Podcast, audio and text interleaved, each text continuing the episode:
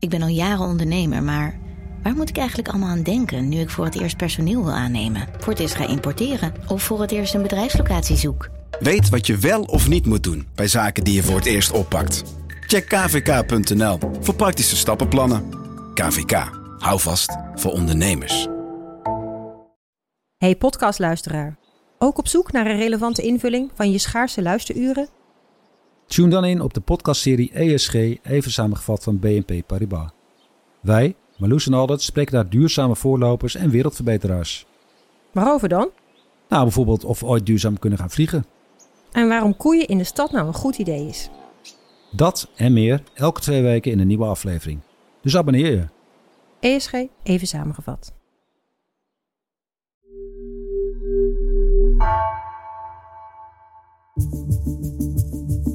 Vanaf de redactie van NRC het verhaal van vandaag. Mijn naam is Egbert Kalsen.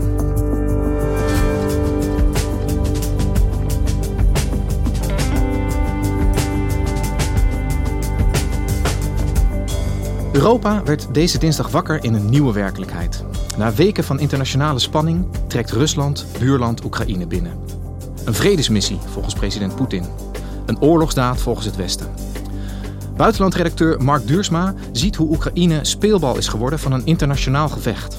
Is Poetin nu echt een grens overgegaan?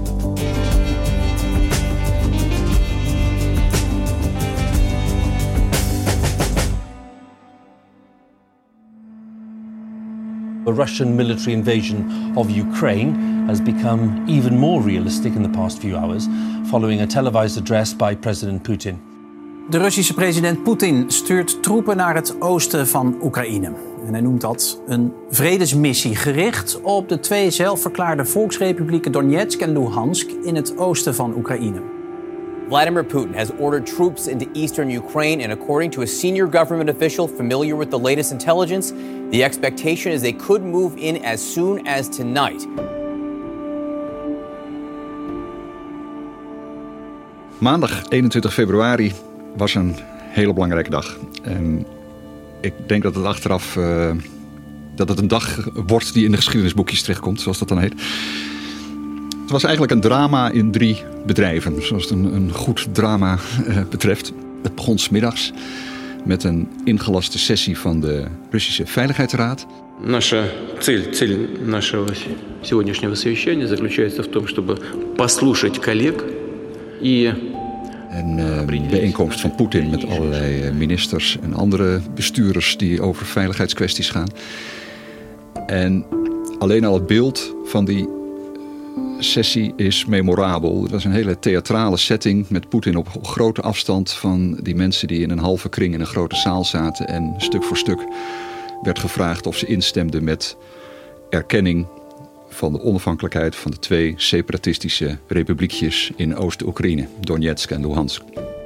Мы э, должны принять то решение, о котором сегодня говорится. Die sessie was uh, door allerlei waarnemers uh, heel erg in theatertermen beschreven als King Lear en de vergelijking met James Bond viel. Ook vooral omdat uh, een van de mensen die daarbij was, die stond ontzettend te aarzelen en te twijfelen. Нет, я... Э, или, при, или, или признавать э, суверенитет их. А я... Ja. Gaf het verkeerde antwoord en werd hardhandig gecorrigeerd door Poetin. Dus iemand schreef ook het enige wat nog ontbrak was de rode knop waarmee hij door een luik in de grond uh, viel. Dus dat was smiddags. En dat werd gevolgd door een uh, toespraak van Poetin s'avonds. Уважаемые граждане России, дорогие друзья, Тема моего выступления – события на Украине. En dat was een uh, hele lange toespraak, een hele opmerkelijke toespraak, vol met historische parallellen en ook weer met de, dezelfde ambivalentie die Poetin steeds over Oekraïne heeft. Dat hij aan de ene kant benadrukt hoe nabij Oekraïne wel niet is. En dat het een broedervolk is. En dat ze zo cultureel en historisch verwant zijn met Rusland. Еще раз подчеркну, что Украина для нас это не просто соседняя страна.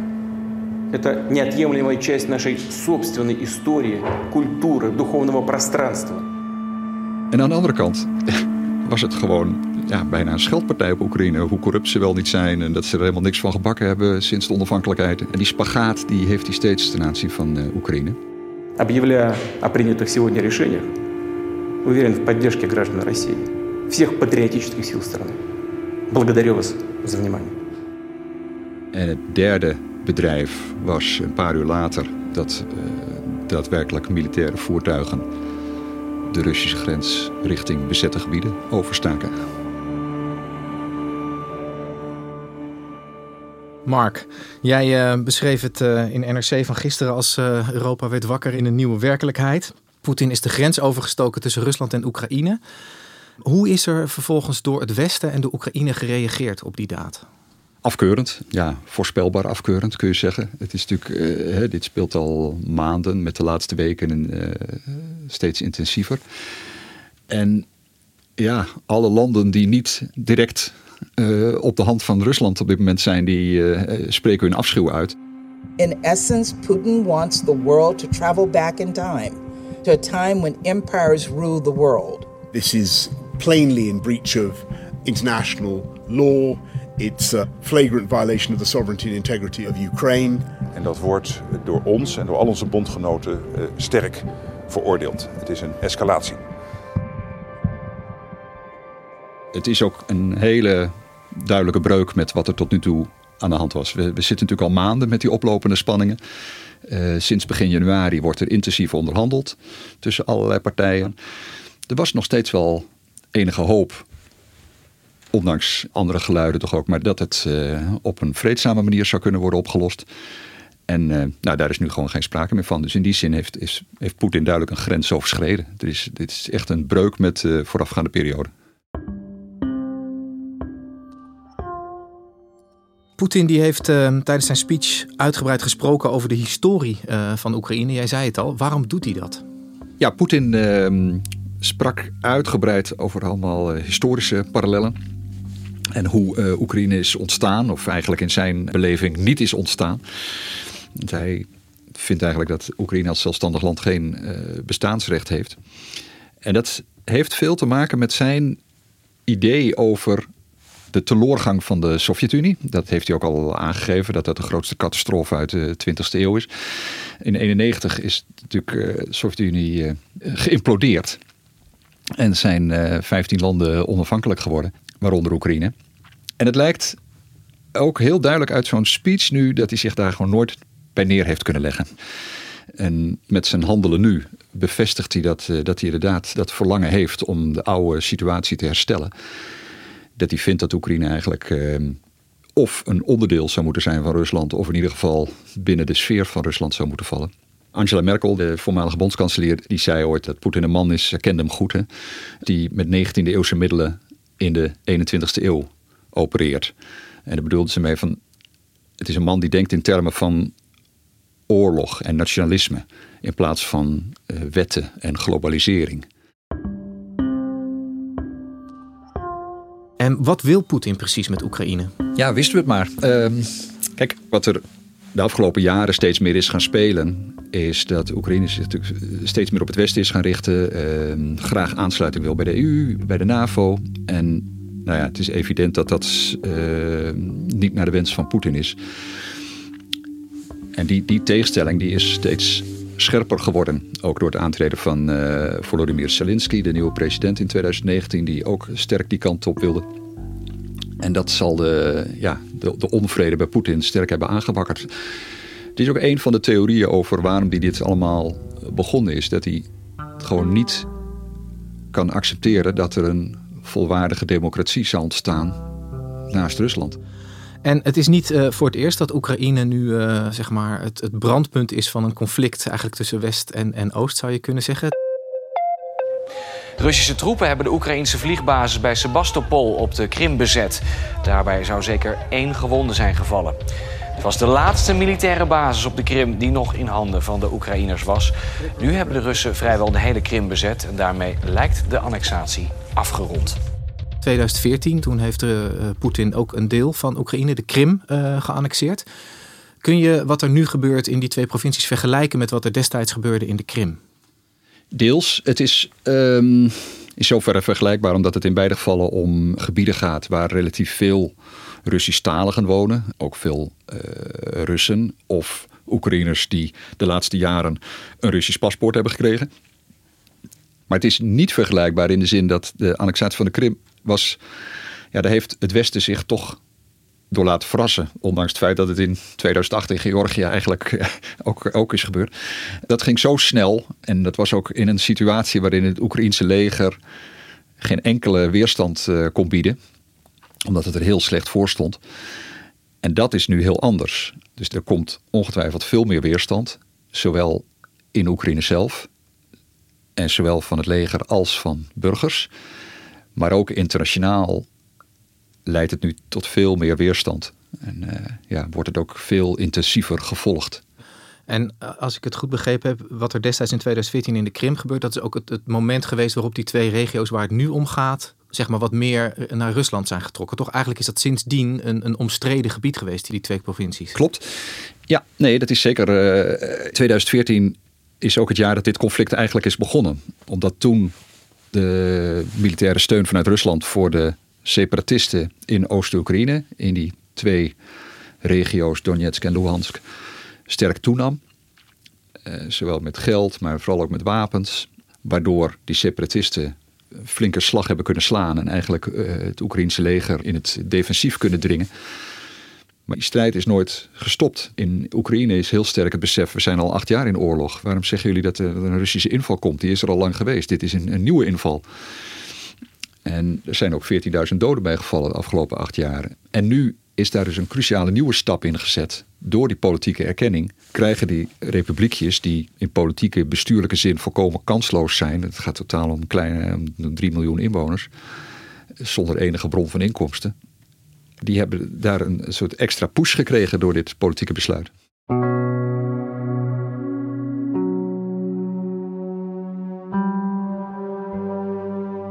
Is eigenlijk duidelijk waar Poetin nu de grens legt van deze geografische claim? We hebben het over die twee regio's de hele tijd, maar waar wil hij uiteindelijk komen in Oekraïne? Ja, nou dat is een grote vraag nu. En daar kijkt iedereen een beetje met spanning naar. Ehm, dat was op maandagavond niet meteen duidelijk. Toen leek het te gaan over uh, puur het bezette gebied, wat maar een klein deel is van de hele districten Donetsk en uh, Luhansk.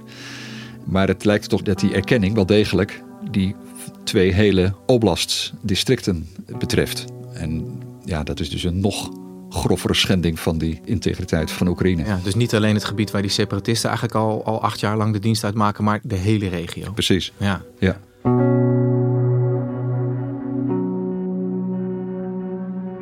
Wat we vast kunnen stellen is dat Rusland de grens over is gegaan. En dat het Westen vooralsnog niet uh, met wapens gaat terugslaan, uh, maar wel met economische sancties. Hoe zit dat?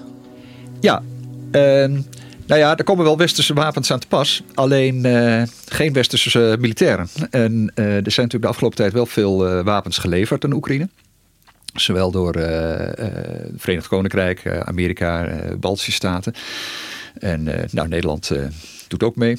Maar het is heel duidelijk, daar is een duidelijke grens. Ehm, er zullen geen uh, westerse militairen op Oekraïns grondgebied gaan vechten.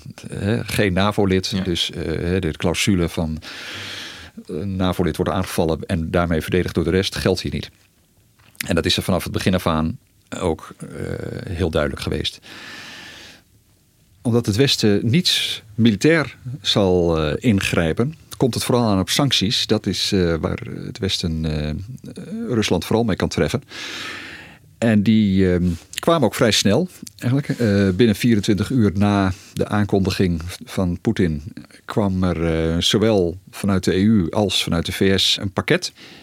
Je zou kunnen zeggen dat het Europese pakket relatief mild is. Um, dat raakt 27 uh, personen en bedrijven die uh, volgens uh, de Europese Unie direct betrokken zijn bij dit besluit, bij die erkenning en bij dus daarmee met het ondermijnen van de soevereiniteit van Oekraïne. En de sanctie voor deze instellingen en, en, personen is dat ze een reisverbod krijgen. Ze kunnen dan de EU niet meer in. En hun tegoeden worden bevroren. Uh, nou ja, dat zijn de gebruikelijke maatregelen als het om persoonlijke sancties gaat. En daarnaast wordt ook Ruslands toegang tot Europese financiële markten beperkt. Maar dat was nog niet duidelijk hoe dat precies eruit ziet.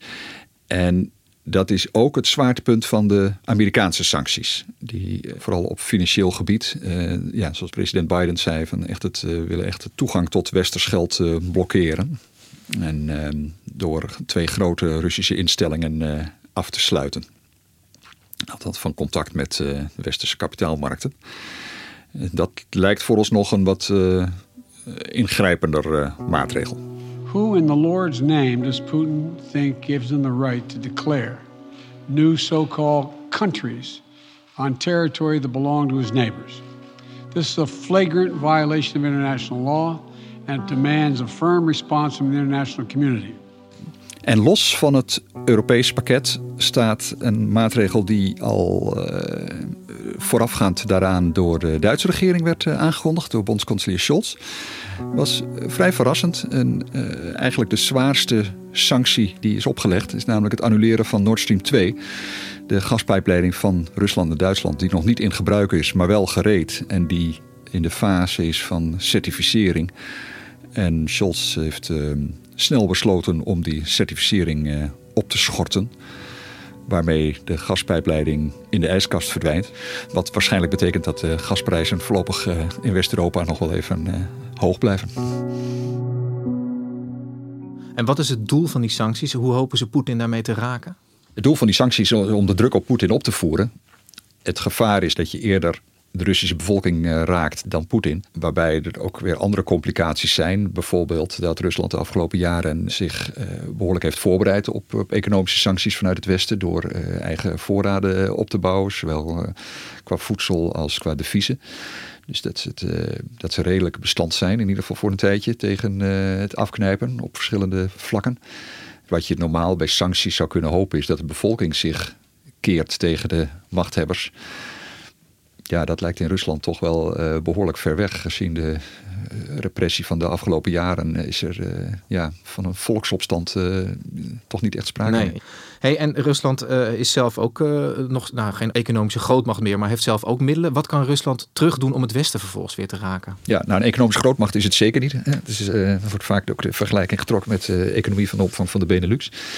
Maar gas is natuurlijk het toverwoord in deze. En ja, de grote angst is dat, dat die gaskraan dicht gaat voor Europa zou dat uh, ja, toch wel uh, behoorlijk wat zijn. Dus tussen de 30 en 40 procent van de Europese gasleveranties komt uit Rusland. Voor Nederland is dat rond de 15 procent. Dus dat is, nou, valt relatief mee kun je zeggen. Maar toch, er ontstaat wel een probleem dan natuurlijk. Poetin heeft steeds gezegd, wat er ook gebeurt, de gasleveranties gaan door. Het is ook in hun belang. Het zijn ook inkomsten natuurlijk. Het zijn de belangrijkste inkomsten, olie en gas. Uh, anderzijds, ja, hebben we net weer gezien wat toezeggingen voor Poetin waard zijn. Mark, de, de militairen zijn nu daadwerkelijk uh, de grens over vanuit uh, Rusland naar Oekraïne. En Poetin die noemt dat een, een vredesmissie. Herstel van oude normen en waarden in het oosten van de Oekraïne. En het Westen noemt het een oorlog. Wat is het nou?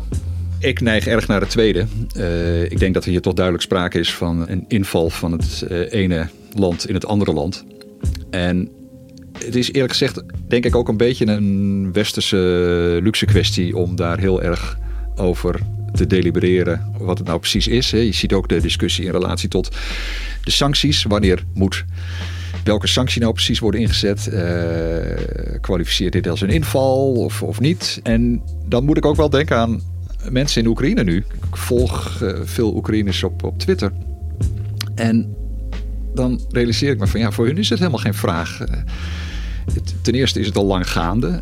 ten tweede is het ook veel meer dan alleen maar tanks die binnenrollen. Het, het, heeft ook met cyberaanvallen te maken die al gaande zijn. Het is met, met, met propaganda heeft het te maken. De, ja, het is, voor hun is het evident. Het is oorlog en het, is, uh, het gaat over leven en dood.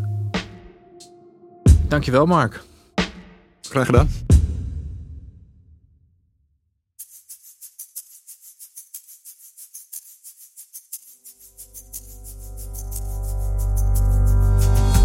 Je luisterde naar vandaag, een podcast van NRC. Eén verhaal, elke dag. Deze aflevering werd gemaakt door Mila Marie Bleeksma, Tessa Kolen en JP Geersing. Dit was vandaag, morgen weer.